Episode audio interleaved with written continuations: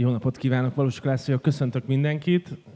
Elsősorban Bereményi Gézert és Grecsó Krisztiánt, akik idén megnyerték a Libri irodalmi díjakat a magyar copperfield és a Magamról többet című kötetekkel. Itt az elején el is fogom mondani, hogy lesz dedikálása a műsor végén, ott kint a Bookline busznál, és ez a beszélgetés sorozat ez elég rendhagyó szokott lenni, mert most már nem először csinálunk a Libri díjasokkal beszélgetést itt, és az a kihívás, hogy a két szerző életművében találjunk olyan közös metszeteket, amiken el tud indulni a beszélgetés. Ezt akkor találtam ki, amikor Tompa Andra és Bödöcs Tibor lettek a nyertesek, úgyhogy jó ötletnek tűnt. Onnan szeretném kezdeni a, a beszélgetést, hogy fejtsük fel, hogy ki lehet az az író, aki mindkettőtök számára fontos, és embetűvel kezdődik a neve.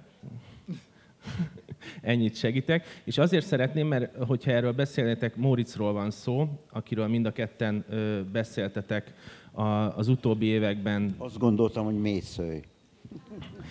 Én most Móriczról szeretnék beszélni, de Mészőről is beszélgethetünk.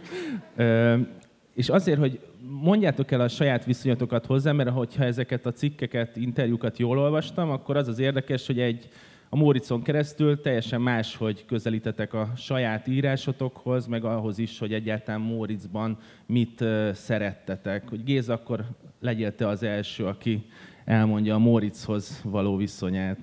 Hát a, a Mórictól én azt kaptam, nagyon korán, amikor elkezdtem olvasni őt, hogy, hogy olyan volt, mint hogyha egy újságíró vagy egy dokumentátor elvitt volna mi engem abba a világba.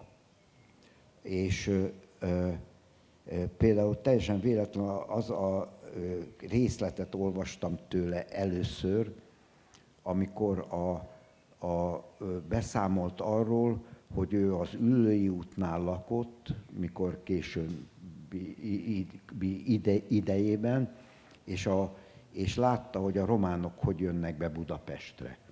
És ez olyan döbbenetes volt, akkor én még nem is tudtam, hogy a románok bejöttek Budapestre, hogy hogy, hogy volt, és ö, onnantól kezdve lázasan ö, olvastam őt, elkezdtem, és mindenhol megtaláltam a novelláiban, a Rózsa Sándor könyveiben, mindenben megtaláltam azt a hírlapírói ö, élménybeszámolót, amivel ő írt. Na hát szóval e, ez, ezért, és én abból meg, megtanultam, hogy nem az iskolai tananyaga fontos arról a korról, nem, hanem Móri Zsigmond fontos arról a korról, és ő hozza el azokat a híreket, és ha ő nem írta volna meg ezeket a beszámolókat a korról, akkor, de még az Urimurire is vonatkozott ez, akkor, akkor tudatlanul ö, ö, ö, halnánk meg. Szóval akkor semmit nem tudnánk, mert nem ér semmit az, ami a történelmi elemzések, meg ezek beszélnek róluk, hanem az ott élő emberek. Krisztián, ha jól tudom, akkor te később futottál bele Móriczba, így komolyan. A te történeted micsoda? Egészen későn, bevallom őszintén, úgyhogy irigyen is hallgattam Gézát, mert valószínűleg a fiatal lélek az más utakat keres, vagy másféleképpen keresi az utakat ezekhez a prózai irányokhoz. Nagyon pici zárójel, a, a családban tanítanak nagyon hátrányos helyzetű roma gyerekeket Borsodban, és kérdeztem a, a sógornőmet, beszélgettünk, és azt mondta, hogy csak az árvás, árvácskát hajlandók hallgatni a gyerekek felolvasáson. Ugye olvasni nem nagyon tudnak, tehát fel kell nekik olvasni, mert az árvácska az, amit értik. Tehát az, annak a problémái az ő problémáik. Vagy, bocsánat, vagyis hiteles. Na, ezt és, és, és ráadásul így van, tehát hogy nem csak hogy hiteles, hanem ma, ma, ma ilyen helyzetek vannak, hogy hogy tud Mauritz ma élni. Ez egy teljesen zárójeles megjegyzés volt. Nekem egy felkérés hozta meg Mauritzhoz való viszonyomat. Én a, az egyetemen is megmaradtam a középiskolás viszonyban vele, vagyis hasonlítsd össze Móricz és Mixát parasztábrázolását. hát hasonlítsa, akinek hat anyja van, ugye? És, és el tudtam végezni a bölcsészkart úgy, hogy semmiféle valódi benyomásom nem volt. Mentségemre legyen szó, hogy akkoriban mindenki kosztolányit kellett, hogy olvasson, tehát az volt a trend, hogy kosztolányi a világ. És én ennek bedöltem.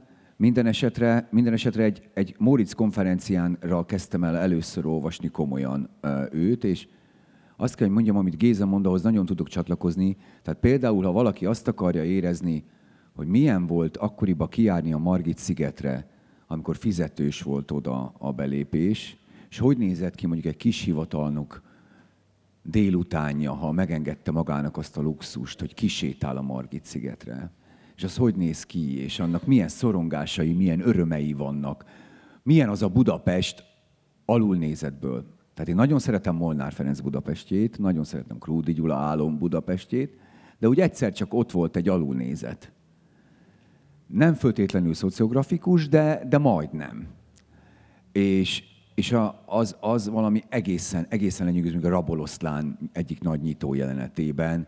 Eh, nyilván ülni ott a Margit is várni a nőt, hogy arra járjon. Tehát, hogy azt, azt, és azt mindenki érti. Mert, de úgy, hogy a, a bőrödben van, ahogy arra jár.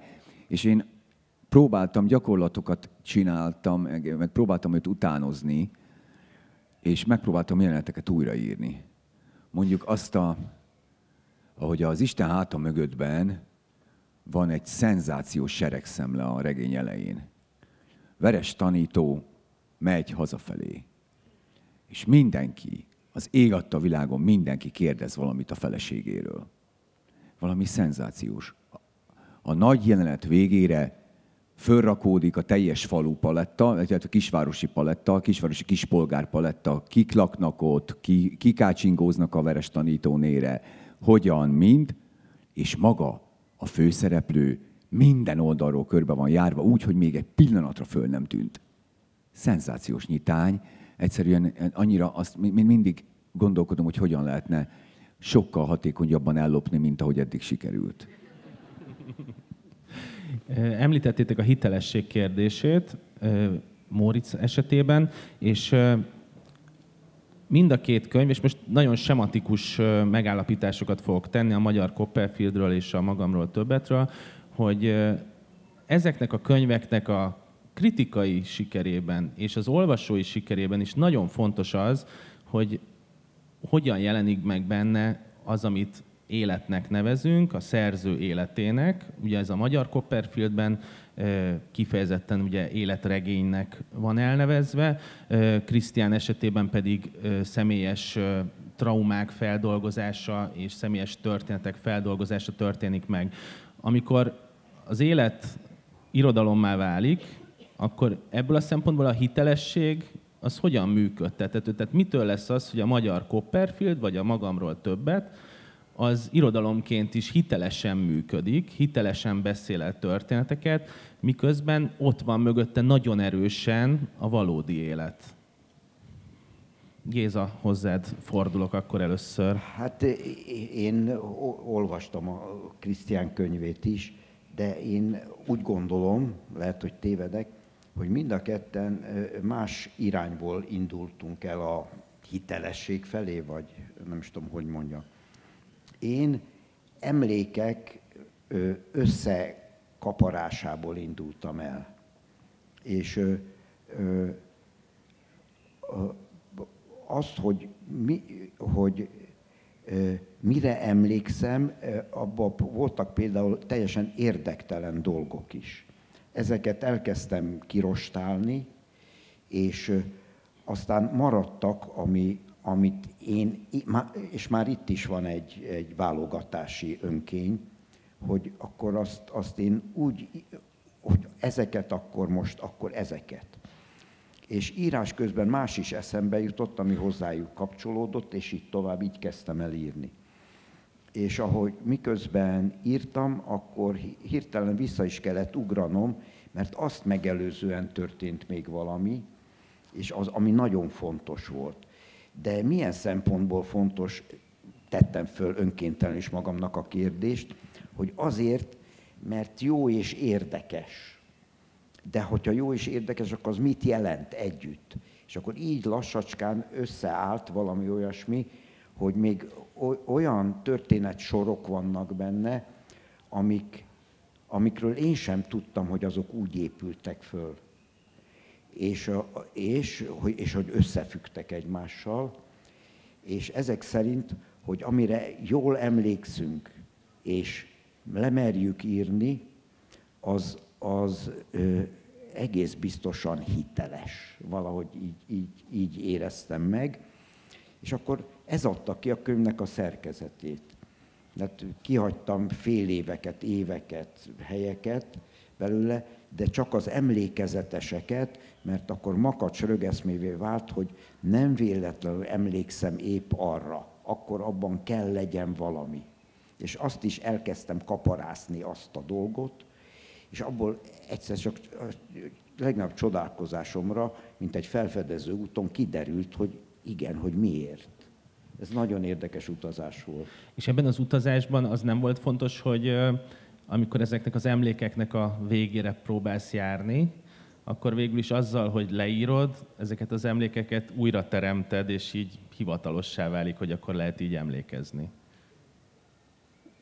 Mi, mi, van, mi a probléma ezzel? Semmiféle probléma nincsen ezzel, csak hogy ez nagyon érdekes, hogy olyan emlékeket ásol elő, Igen. magamból indulok ki, tehát tudom, hogy a híres memóriád van, Igen. csak hogy az emlékezés az mindig olyan, hogy így el vagyunk, hogy mit emelünk ki, mit hagyunk el a történetből, mi az a fél év, mi az a hely, ami nem kerül be a történetbe, és végül is a végére lesz egy olyan ö, ilyen emlék ö, felhő, ami, amit megírsz, és akkor az végül is az a te hiteles történeteddé válik. Igen, de a felhő azért jó, mert azt állítják, hogy a felhőjáték és a felhő alakváltozás az sosem ismétli meg önmagát. Tehát egyik se hasonlít a másikra. A teljes mulékonyság. Na most az életemben a mulékonyságot felhőjátékká változtatni, vagy hogy ez egy másik felhőjáték. Tehát lehet, hogy másképp is le tudtam volna írni az életem, de nem az első 18 évet nem tudtam volna másképp leírni. Nem, nem tudom, eddig. eddig. Krisztián, te... Hagy, hagy szóljak hozzá ehhez.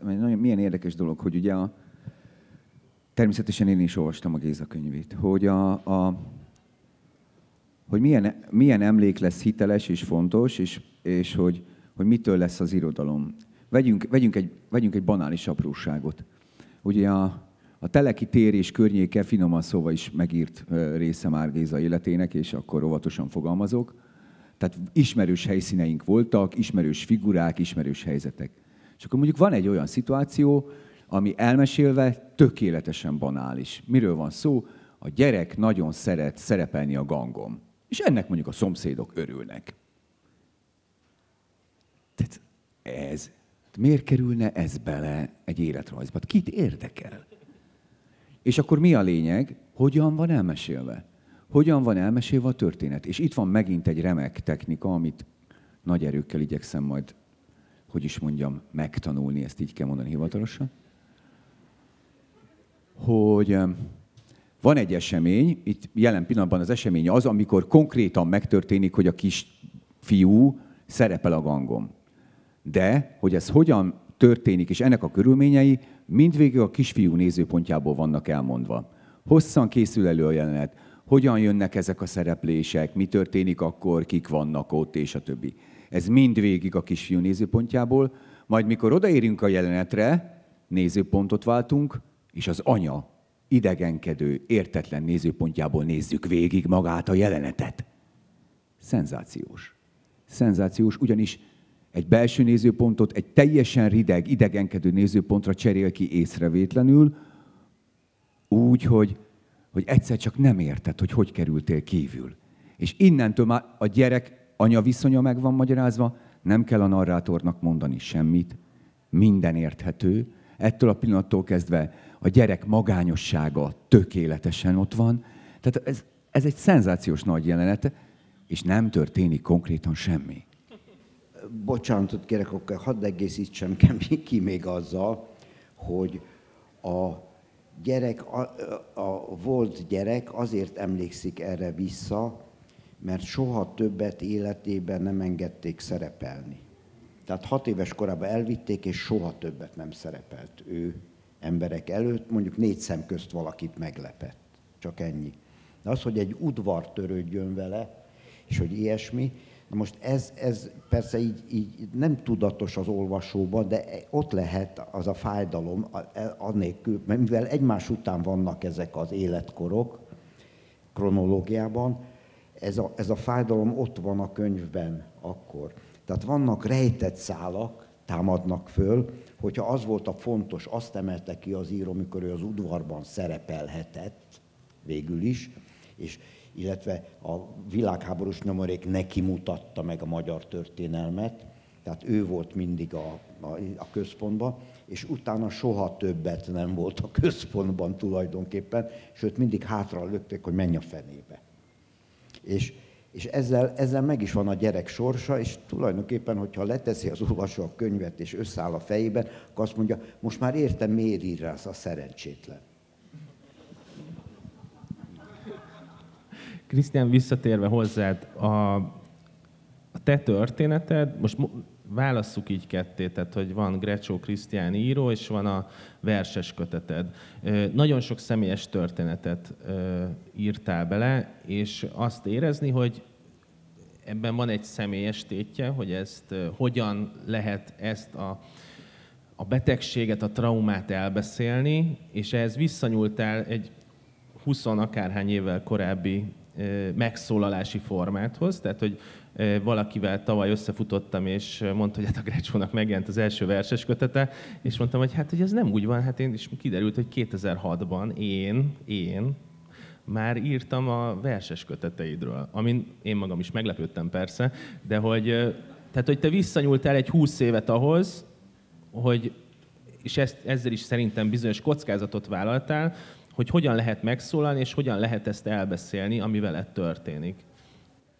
Hát egyszerűen ugye legfőképpen az volt a helyzet, hogy nem voltak neki történetei. Tehát, hogy olyan sűrű és tömény mélypont, vagy olyan lápos, tőzeges helyzet, emlékek nélkül, valóság nélkül, hogy, hogy az nem akart narratívává vagy történetté összeállni.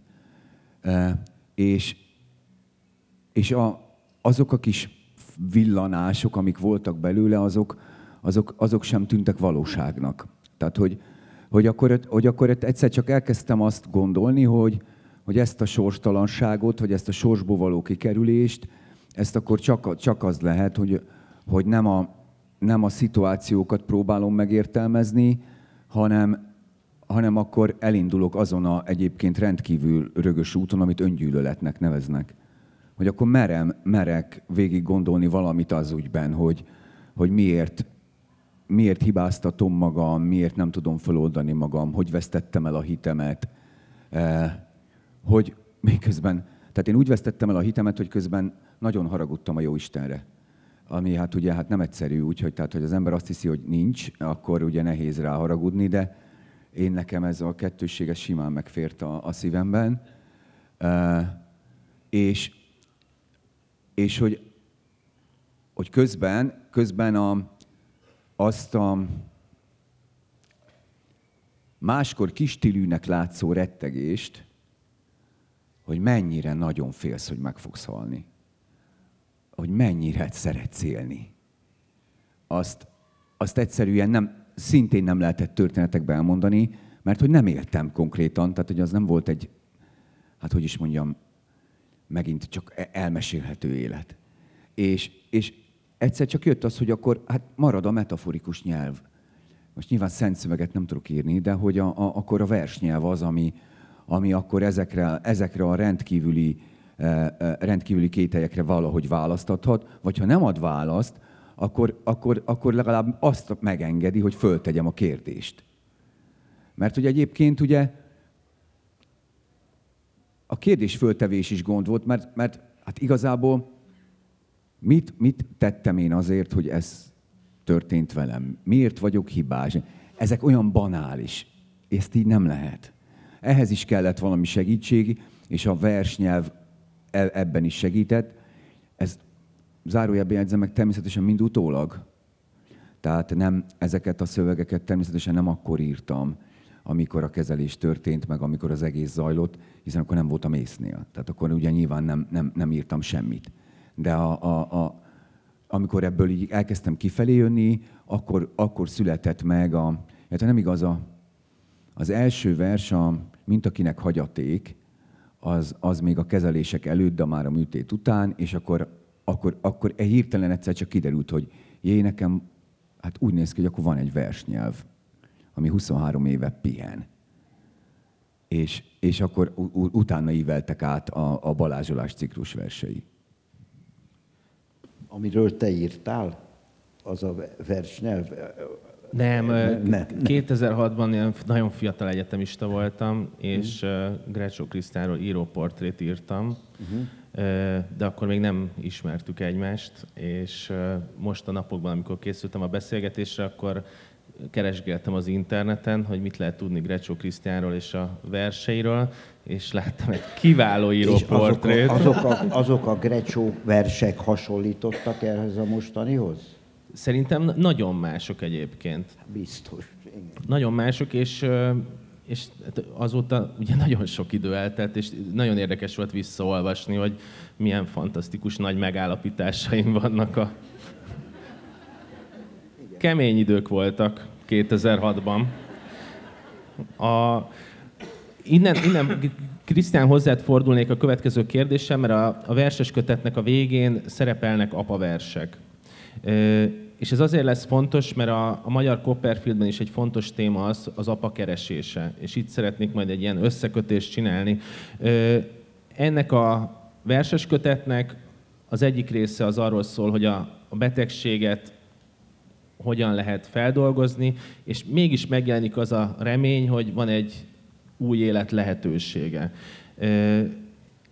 Ennek a és most ezt kifejezetten irodalmilag érdekelt, hogy ezzel az új helyzettel, aminek azért a magyar irodalomban nem nagyon van hagyománya, hogy apaversek születnek, ez, ez, ez egy ilyen természetes sodró lendülettel következett be, ugye, mert tavaly már egy gyerekvers köteted is megjelent, tehát hogy ezt így hirtelen így nagyon máshogy kezdtél látni a, a, az irodalmi pályán? Nagyon jó kérdés, mert valószínűleg nem, lehet, hogy nem kezdtem volna el apa verseket írni, ha ez nem, nem egy liftezés lett volna a pokol felől. Tehát, hogy ahonnan jövve, jövök, és ahonnan, ahonnan ez az egész né- alakult, onnan nézve látszott ez egy teljesen más irányból ugyanilyen tömény érzésnek. Tehát egy olyan átalakulásnak, ami megint nem volt elbeszélhető, mert csak közhelyei vannak, mert csak végigrágott történetei, és, és közben az, az egésznek a, a mélysége, hogy milyen tárnák nyílnak föl benned. Mi változik, mi, vált, mi változik, tehát nem föltétlenül a gyerekkel való viszonyodban, vagy hogy akkor most szereted-e vagy nem, hanem, már bocs, bocsánat, az első pillanatban, hogy benned mi változik. És hogy te milyen, mi, milyen, milyen szembesülésekkel vagy kénytelen számolni, hogyan, eh hogyan hogyan lesz a gyerekkorod egy, egy ilyen elhagyottnak tűnt terebből egyik pillanatról a másikra a legélénkebb hatást gyakoroló, egyértelműen működő, a rutinokat, a, a mozdulatokat, a mondatokat megszabó, aktív ügy. És ez, ez valami szenzációs volt nekem ezt, ezt megint átélni, és ehhez is megint a vers kellett, vagy ehhez is megint a vers adott hozzá, Ezekről szoktunk beszélni, az egyébként a verses kötetben nem csak, tehát ez a két véglete, és közte azért vannak más tematikájú versek is, de, de valahogy, valahogy ez az isteni színjáték helyzet van benne azért alapvetően, tehát már semmilyen módon nem hasonlít az isteni színjátékra, csak hogy, hogy a pokol felől indulunk, és, és hát tényleg az nekem egy, az a félmondatom, amikor, amikor az első sétán azt bírtam mondani a feleségemnek, hogy menjünk le a Tisza partra, az egyértelműen ö, ö, ö, megmutatta, akkor így hirtelen visszaadott, hogy ugye 16 éve lakunk a Dunaparton, és még soha nem tévesztettem el a Dunát. De úgy nem is szokás. Szerintem ezt így viszonylag így tudjuk, hogy itt a Duna van. És, és az akkor egyértelműen adta, hogy a, a, az a mondat, az, az akkor visszamutat, tehát egy lemeztelenítve adta azt, hogy amit addig is éreztem, hogy jé, jé, hát itt van a kis grecsó, és uralkodik. Géza, a magyar Copperfieldnek van ez a szála, amit én nagyon izgalmasnak tartok, hogy egyfelől megjelenik különböző nézőpontokból a, a, a történelem, de hogy nekem ez nagyon fontos, hogy a történelem és az apa keresés az így egymásra íródik az én olvasatomban, tehát hogy folyamatosan keressük azokat a szereplőket a Copperfieldben, akik ezt az apa szerepet betöltik, és ugye a Vadnai Babyben is felmerül már ez a kérdés, hogy neked ez, ez az apakeresés, ez egy ilyen, nevezhetjük ezt egy ilyen egzisztenciális kérdésnek? Tehát, hogy ez túlnyúlik azon, hogy irodalmi ügy csupán, hanem, hanem ennél valami többről van szó?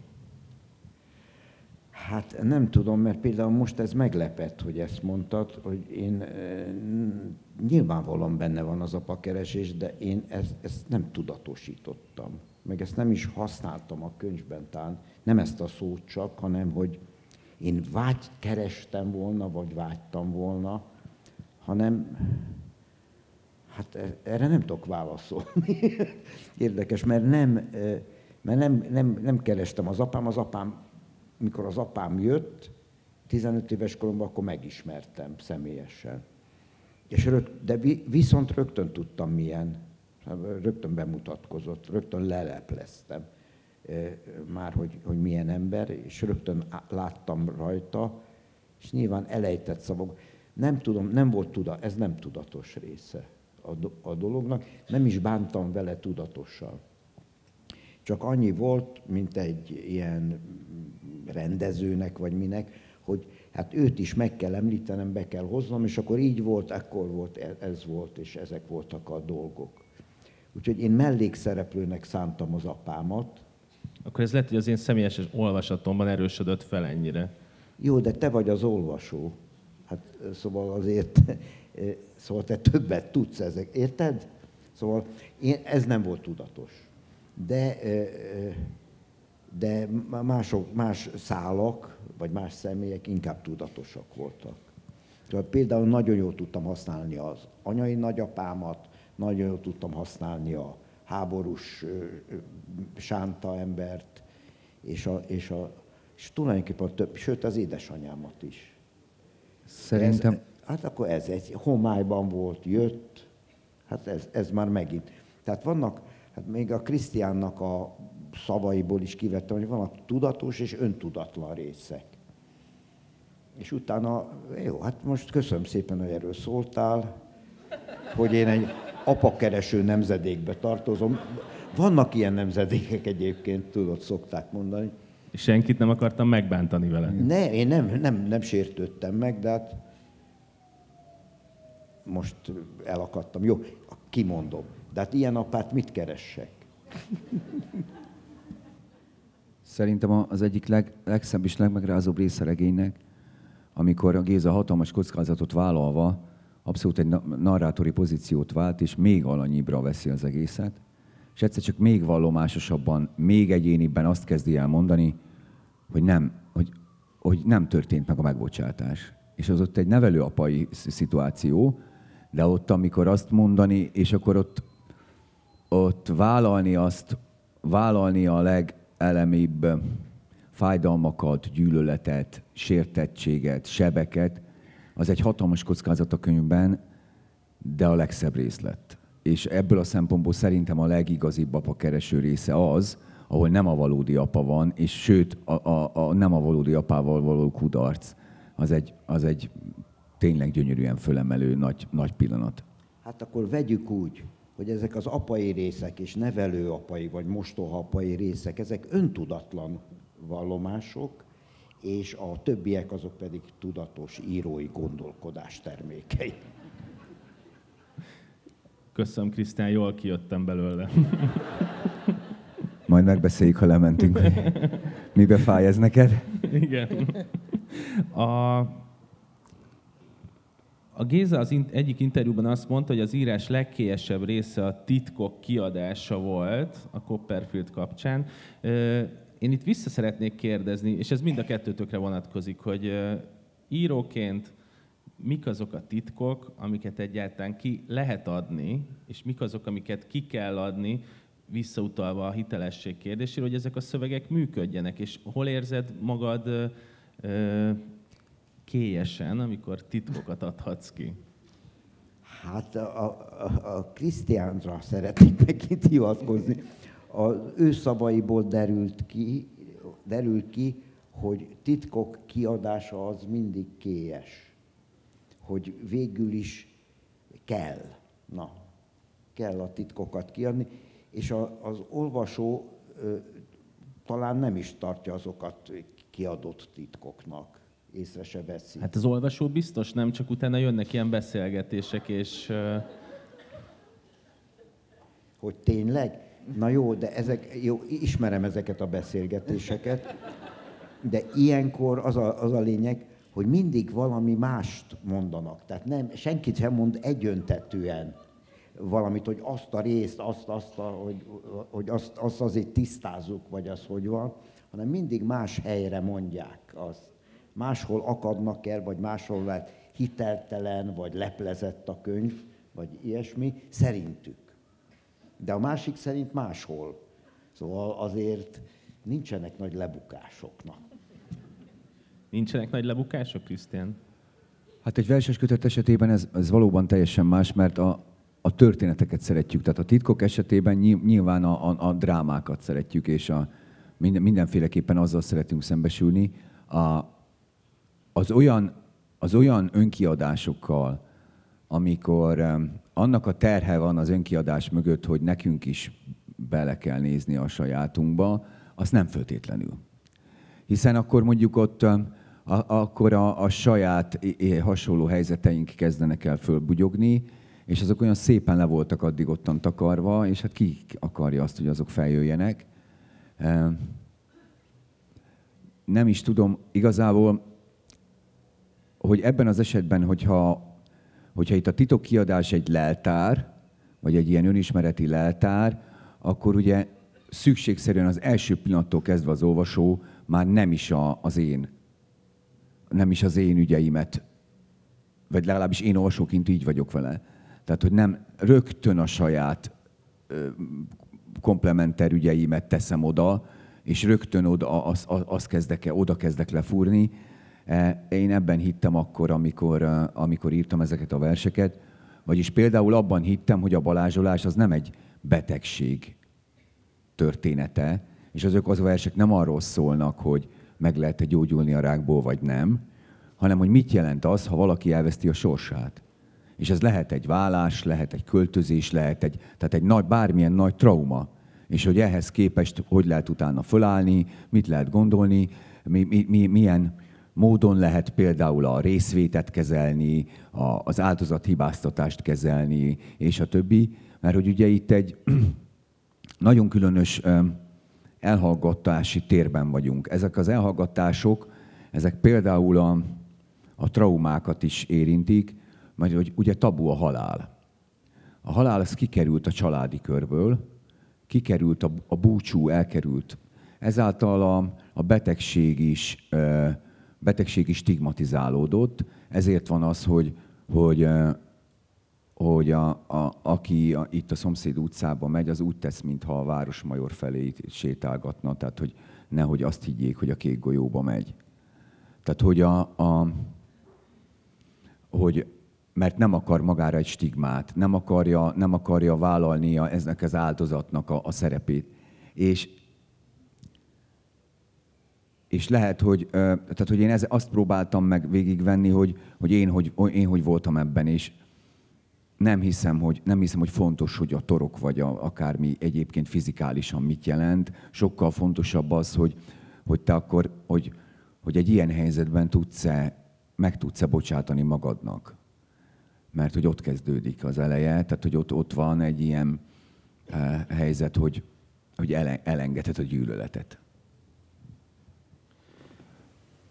Most a beszélgetést egy pillanatra másik irányba terelem, mert ritkán van olyan lehetőségünk, hogy a két Libri irodalmi díjassal beszélgessek, és mind a kettő már dalszerző szövegíróként föllépett volna a Margó színpadán. Látod, hogy legalább 5-6 közös vonásunk van. Igen, hát és ezért én nagyon szeretem ezt a kérdést. Tíz évvel ezelőtt a Margón indult el itt a rájátszás, most a rájátszással zárjuk majd a vasárnap a fesztivált, amiben a Krisztián is benne van. Dalszöveg, ez, ez lenne egy ilyen rövid, rövid blokk erejéig. Azt szeretném kérni, hogy azt a Krisztiánnel így nagyjából nyomon követtem, ahogy prózaíróból, költőből prózaíró lesz, prózaíróból dalszerző és énekes.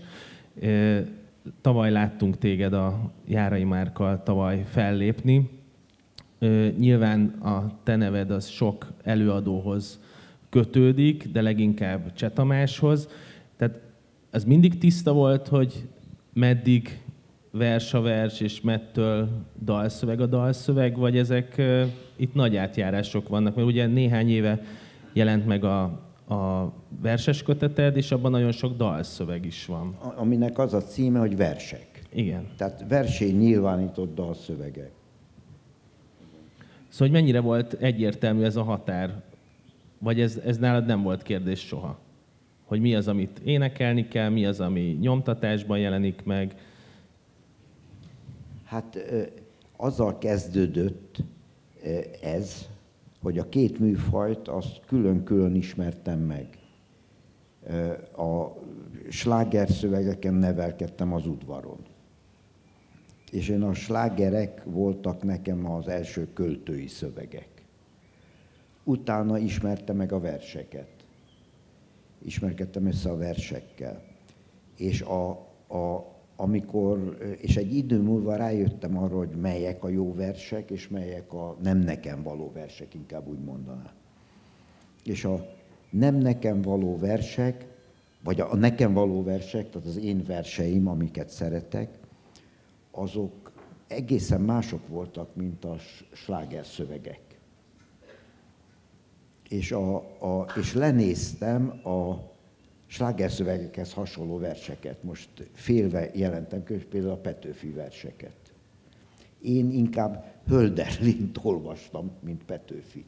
És nem azért, mert snob voltam, hanem már ismertem a slágerszövegekből a Petőfit.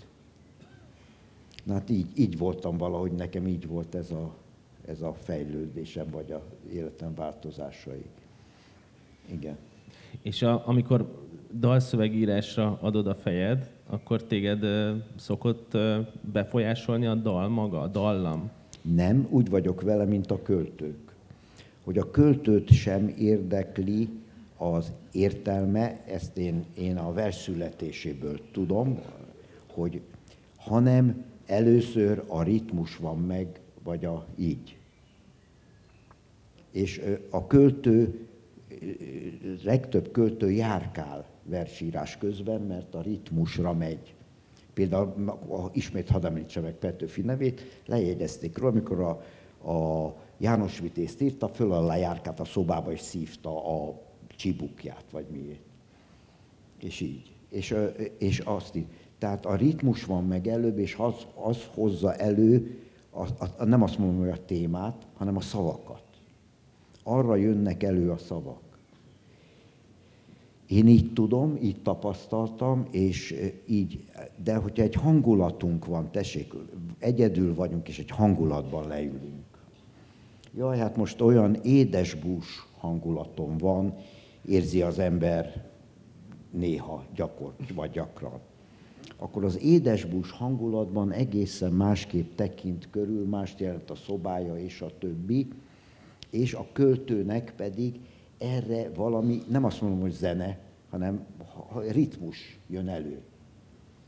E, de hát a, igen. De én, én pedig e, azért, e, én, én pedig általában a, a, a, a zeneszer, zen, zenészeket arra kérem meg, hogy játszanak nekem egy dallamot, és nekem arról jut eszembe a, a, a, jutnak eszembe a szavak. De a Krisztián az, aki témára írt, most például ezt a, ezeket a verseket, egy témára, egy nagyon szoros, erős témára írta ezeket, ő akkor mondja el, hogy hogy van vele, hogyha irányíthatom én ennyiben a beszélgetést. Hát, hogyha ugye az én szerény dal szövegszerzői múltamat, azt mondjuk a Géza mellett mondjuk nyilván nem is szabadna még csak emlegetni se. Semmilyen módon nem vagyunk egy platformon, de... Visszarúgta a labdát. De, de, ne. Én nagyon, nagyon oda vagyok érte, amit ő tud, és ugye ő egy legend, neki van egy legendás képesség, amit én az szerzőktől tudok. Azt talán, talán nem közismert, hogy ugye két iránya van a, a, két iránya van a dalszerzésnek. Az egyik, amikor kifejezetten dalszöveg születik, az, az az irány, amikor a zene van meg előbb.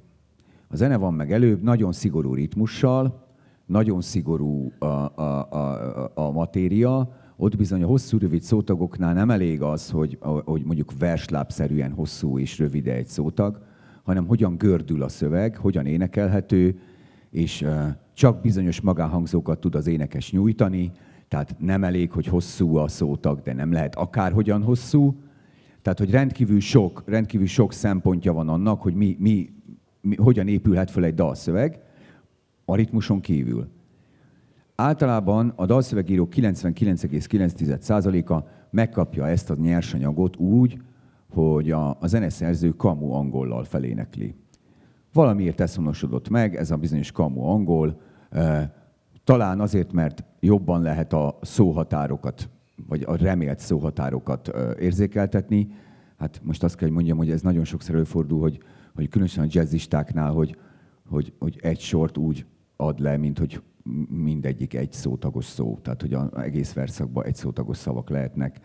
Azt, és akkor úgy, szoktam mondani a jazzistáknak, hogy értesültek-e róla, hogy a magyar ragasztó nyelv. Tehát, hogy így is jó lesz, csak ez a már most nap jön, megy el, fel. Tehát ez is egy jó szöveg lesz, csak hát még lehet rajta faragni egy kicsikét. És, és hát ez a, ez, a, ez a játék, ezt általában a, a, a dalszövegírók nagy része úgy oldja meg, hogy rengeteget meghallgatja, járkál föl alá, hogy Gézát idézzem, és, és heteket akár megy a fülébe, és egyszer csak elindulnak a szavak, hogy Géza mondja. Géza nem legalábbis a zeneszerzők, akikkel én dolgoztam, úgy, hogy te előtte, előtte veled dolgoztak, vagy párhuzamosan is dolgoztunk, ők mindegyik rémült csodálkozással, és hát egy ilyen egész elképedve mesélték nekem, hogy a Géza azt szokta, hogy leül a zongora mellé, mondjuk mondja a Désnek, hogy na, jázd megint? Uh-huh. És írja. Ott, azonnal. És vagy mit tudom én, a Rutka Robi gitározza, Géza írja. És, és még sorolhatnánk, hogy hány hány ilyen helyzet, mindezt ráadásul megspékelve azzal, hogy azt is gondolják végig, hogy nem egyszer ezek e, kifejezetten alkalmazott szövegek. Tehát nem elég, hogy a, a forma ennyire kötött, de mondjuk még Básti Juli fogja énekelni. Az ő szájából kell, hogy jó hasson, az ő világképét kell, hogy tükrözze, az ő érzéseit kell, hogy visszaadja, és az ő kritikai szemléletét kell, hogy elviselje, és akkor ezt így együtt mondjuk, hát hogy is mondjam, szerintem a végén a dalszövegíró azt is megbánja, hogy megszületett, nem hogy, a, hogy elkezdte ezt az egészet, és ezt Géza így, így ott a hangszer mellett rögtön. Tehát ez, ez szenzációs, én ezt nem is tudom, hogy hogy lehet ezt, de mindegy. Ez egy legenda.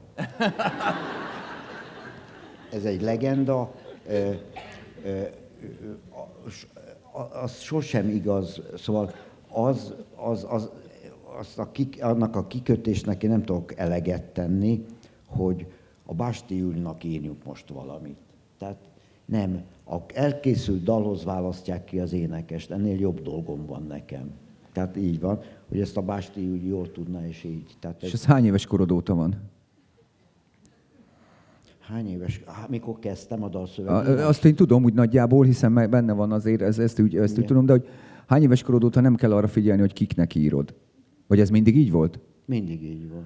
Hát van, hát, aki, jó, van akinek könnyű lehet, élni, hát nem, hiába. Lehet, jó, hogy csak nem figyeltél, az, Géza. Figyelj, nem, én azzal kezdtem igazából a dalszövegért, hogy a Cseh Tamás nevű rajztanárnak írtam a dalszövegeket, aki úgy gitározgatott. Csak hát, mint kiderült, sokkal tehetségesebb, mint ő maga gondolta magáról, és így tovább. Szóval fölnőtt az az ember. De, de ö, ö, ő készséggel változtatott a dallamon. Tehát én azt mondtam, hogy ez, figyelj ide, még ezt szeretném ide, akkor én írtam egy más ritmusú sort, keves, kevés volt ilyen, írtam egy más ritmusú sort, akkor ő hirtelen megváltoztatta a dallamot, és annak a következményeitvel folytatta a dolgot, egy kicsit változtatott az egész dalszerkezeten. Ez nem adés, ez nem adés Ez nem adés. Ez nem adés. Nem. nem. Ez nem adés, hanem jobb partner, mint adés. Na így. Ne, más. Azért az a legcsodálatosabb történet a Grecsó dalszövegírásában, amikor a rájátszásnak Beck lehívta magához az egyedit, a híres történet szerint, és vitte magával a, a Grecsónak a Pont oda című szövegét, és eltelt két nap, de fejezd be ezt a történetet, mert nem akarom lelőni a poént. Hát fe, felhívtak telefonon nagy boldogan, szerintem erősen kapatos állapotban, hogy hallgassam meg most azonnal itt a próbateremben eljátszák, ugye milyen jó.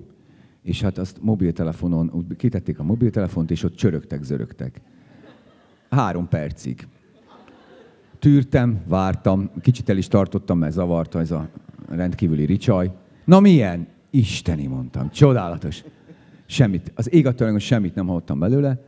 És aztán a Begzoli minden alkalommal elővezette, hogy mégis micsoda dolog egy, egy ekkora, ilyen hosszú verset adni megzenésítésre, egy ilyen végtelen hosszú eposzt, hát ő kénytelen volt a 80%-át kihúzni, hát ezt ő azért, hát tudja, hogy hát mégis hát mondjuk Sebő nem így csinálta Vörös Sándorral, de hát azért, hát most ő kénytelen volt, hogy egy kicsit hozzányúlt a vershez, de ezt minden alkalommal úgy adta elő, mintha bármiféle kötöttség lenne a rájátszásban. Tehát, mintha azt kellett volna neki megzenésítenie. És mondtam neki, Zoli, hát ott vannak a rövidebb, kötött formájú versek. Miért nem azt választottad? Á. És akkor úgy éreztem, hogy ja. Tehát, hogy akkor, ugye ott akkor egyszer csak megjött a, ő is egy remek dalszövegíró, és szerintem az egyik legjobb dalszövegíró, és egyszer csak megláttam benne a, ja, hogy, ja, hogy, hogy itt akkor ott a költő, tehát él a költő. A beszélgetésünk vége fele járunk, egy utolsó kérdést szeretnék feltenni. Libri irodalmi díjat nyertetek. Amikor megkap, megtudtátok a, a díjat, hogy megkapjátok, akkor ez hogyan hat vissza a könyvre a saját életetekben? Tehát, hogy van egy ilyen elégedettségérzés, örömérzés, azt érzitek, hogy jó, akkor most mindent megtettetek, és ezt visszaigazolta a szakma, a közönség, mindenki. Tehát mit ad a siker a könyvetekhez? Vagy már semmit nem ad hozzá? Igen. A, hogy, hogy én megkönnyebbülést éreztem, azt gondoltam, szerencsém van, mert azt gondoltam, ez is, jó, a gondolatmenetre vagy kíváncsi, hát ez volt, hogy, hogy egy másik zsűri mást választott volna. Szóval ez, ez, ez, ebbe biztos voltam, és megkönnyebbülést éreztem, és beleolvastam a könyvbe időnként, mert, de mert nem sokkal a, a könyv megjelenése után történt a díj. Hát minden gyorsan történt, hisz járványidei dolgok ezek. És akkor beleolvastam, és így így megpróbáltam a díj szempontjából olvasni a könyvet. És jobb vagy rosszabb lett? Tessék? Jobb vagy rosszabb lett? Ne, voltak jó és rossz részek, és a rossz részek, a rossz részeknél az volt, hogy ezt nem veszik észre. Ennek a vacaknak adták a díjat, igen. És nálad, Krisztián, te a videóban nagyon meghatódtál, amikor megleptek téged a, talán a Jászai Maritéren, vagy ott a Szent István Parkban? Hát azt hiszem, hogy meg is lepődhettem, hiszen tavaly én nyertem a, a, a Verával a közönségdíjat, és én nekem már az is hatalmas dolog volt, hogy egyedüli verses kötetként a tízbe bekerülhetett a magamról többet. Rendkívül erős a díjra termés mostanában. 10-15 másik kötet egész nyugodtan verses kötetbe kerülhetett volna. Úgyhogy na, nagyon nagy szerencse és nagyon nagy tisztesség volt. És én e, ezt konkrétan nyerésként éltem meg, és úgy gondoltam, hogy ez nagyon nagy dolog. És amikor oda hívtak, akkor végig ar- ar- arra gondoltam odafelé menet, hogy azt a luxust nem engedhetem meg magamnak, hogy lássék az arcomon a csalódottság, ha nem én nyertem. Úgyhogy a lehető legjobban mondogattam magamnak, ez, ez, nem, az, nem én nyertem, nem én nyertem, ez nyugi, ez nem, ez. Ráadásul ugye azért hívtak oda, azt mondták, hogy az utókommunikáció szempontjából ilyen internetes tartalmakat gyártanak. Hát én tavaly nyertem, és ta, semmiféle, tehát ilyen közönségtalálkozó egyetlen egy se volt. Semmi, tehát hogy csak internetes tartalmak voltak, tehát ez nem tűnt gyanúsnak. 25 percig beszéltettek. 25 percig okoskodtam a kötetről. 20 perc után teljesen egyértelmű volt, hogy nem én nyertem. Már hogy elhitetted Hát magaddal. persze, hát ne viccelj, hát ilyen hosszan elemezzük, hát minek? Milyen utókommunikáció, milyen Facebook videó tart 20 percig? Mondtam a magamét, tényleg már Babics oda-vissza, tényleg már mindenhogy előkerült, és akkor már, már éreztem, hogy már szabadulnék, meg menjünk, és a, akkor, akkor. És bennem párhuzamosan volt az a rendkívül nagy öröm, a hihetetlen nagy meglepetés és a rémület, mert ez egy nagyon szigorú szakma. Ez egy nagyon szigorú és nagyon kemény szakma, és magányos alkotókból áll. Nekünk ebből a szempontból sokkal nehezebb. Egy picit belát, beleláthattam a színház világába, egy picit beleláthattam a zenészek világába. Az egymásra utaltság sok mindenre megtanít. A közös munka üteme az, az sok, mindent, sok mindent kihoz olyan emberekből, akik, akik egyébként magányos farkasok. Nálunk ilyen nagyon kevés helyzet van. Még a szerkesztői munka is eh, másképp működik. És, és egy ilyen helyzetben eh, azt, azt lehet, hogy azt, én nagyon, nagyon hálás voltam az orvosoknak, de én féltem is. Hát mit fogok én kapni? Hát te jó Isten, mi lesz Hát ebben? elnevezik a közönségdíjat rólad.